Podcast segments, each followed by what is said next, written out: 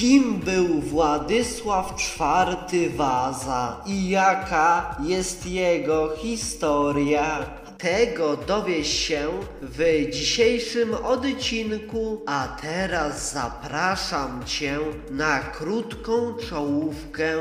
No witam Cię z tej strony Michalos i zapraszam Cię na kolejny odcinek podcastu pod tytułem Niepodległa Historia, w którym specjalnie dla Ciebie omawiam historię Polski i świata bez cenzury i bez zakłamywania i naginania faktów.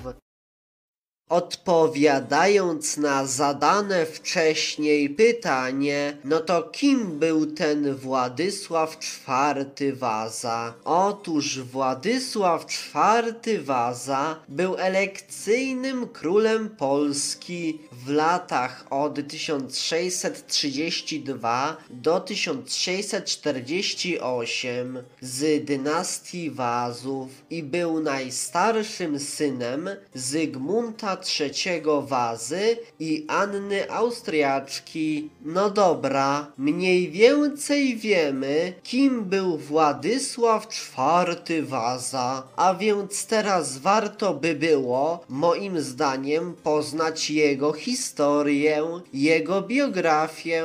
No to tak, Otóż bohater dzisiejszego odcinka, czyli Władysław IV Waza, urodził się 9 czerwca w 1595 roku w Łobzowie koło Krakowa. Już w młodości był wykorzystywany w grach politycznych, no bo na przykład po zajęciu przez Polskę wojska Moskwy w 1610 roku bojarzy powołali go na cara pod warunkiem oczywiście zmiany jego wyznania na prawosławie. No ale wobec oporu jego ojca warunek ten został odrzucony, a projekt osadzenia polskiego królewicza na moskiewskim tronie upadł. No a dwie wyprawy zorganizowane w celu uzyskania moskiewskiej korony w 1612 roku i w 1617 łamane na 18 skończyły się niestety niepowodzeniem. No a z kolei w 1621 roku Władysław IV Waza poprowadził polskie wojska pod Chocim, choć niestety powalony chorobą nie wziął udziału w walkach. A co ciekawe jest to, że bohater dzisiejszego odcinka cieszył się wśród poddanych dużą popularnością. No a w 1632 roku, czyli po śmierci ojca, został wybrany na nowego króla w toku jednej z najspokojniejszych i najbardziej zgodnych elekcji w dziejach kraju. No a pierwszym wyzwaniem, które czekało na nowego monarchę, była wojna z Moskwą, z Rosją. No bo tak, otóż w 1632 roku Rosjanie zaatakowali Smoleńsk. No a na szczęście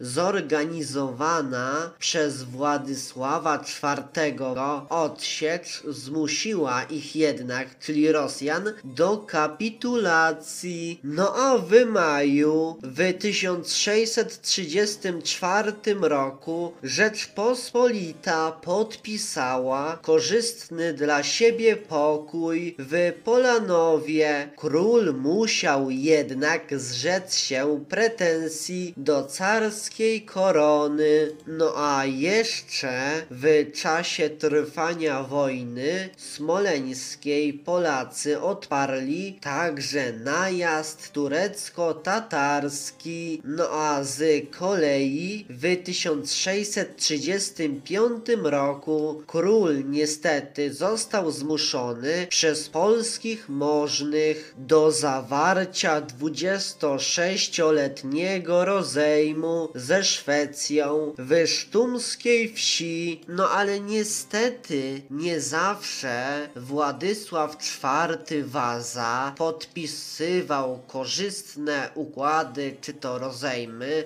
no bo mniej korzystnie układały się stosunki z kozakami, no bo w latach od 1635 do 1638 doszło do kilku powstań kozackich, brutalnie stłumionych przez wojska koronne i magnackie. No a zresztą król nie doczekał się końca tych, tych powstań, tych wojen kozackich, gdyż zmarł 20 maja w 1648 roku, czyli ahí kilka dni po klęsce Rzeczpospolitej nad żółtymi wodami. A co ciekawe jest to, że Władysław IV Waza był twórcą polskiej floty wojennej i zaangażowanym mecenasem sztuki. No a w 1637 roku poślubił austriacką arcyksiężniczkę Cecylię Renatę Habsburg, a po jej śmierci francuską arystokratkę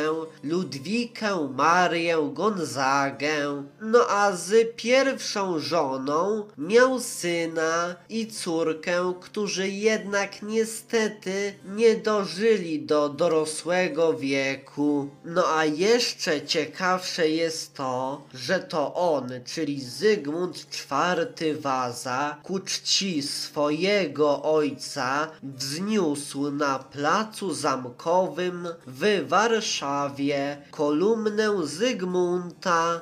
Niestety, ten odcinek dobiega już do końca, więc chciałbym Tobie podziękować za to, że poświęciłeś lub za to, że poświęciłaś swój cenny czas na posłuchanie tego odcinka podcastu Niepodległa Historia. A jeśli spodobał Ci się ten odcinek, to koniecznie podziel się nim z innymi, udostępniając go dalej, na przykład za pomocą Messengera, po prostu wysyłając link swoim znajomym do tego odcinka, czy po prostu za pomocą Twittera, czy po prostu za pomocą Instagrama, czy innego narzędzia, czy innej aplikacji social media. Z góry dzięki za okazaną pomoc w takiej postaci. No dobrze, ja muszę się już żegnać z Tobą. No to do usłyszenia w następnym odcinku. No to cześć, pa!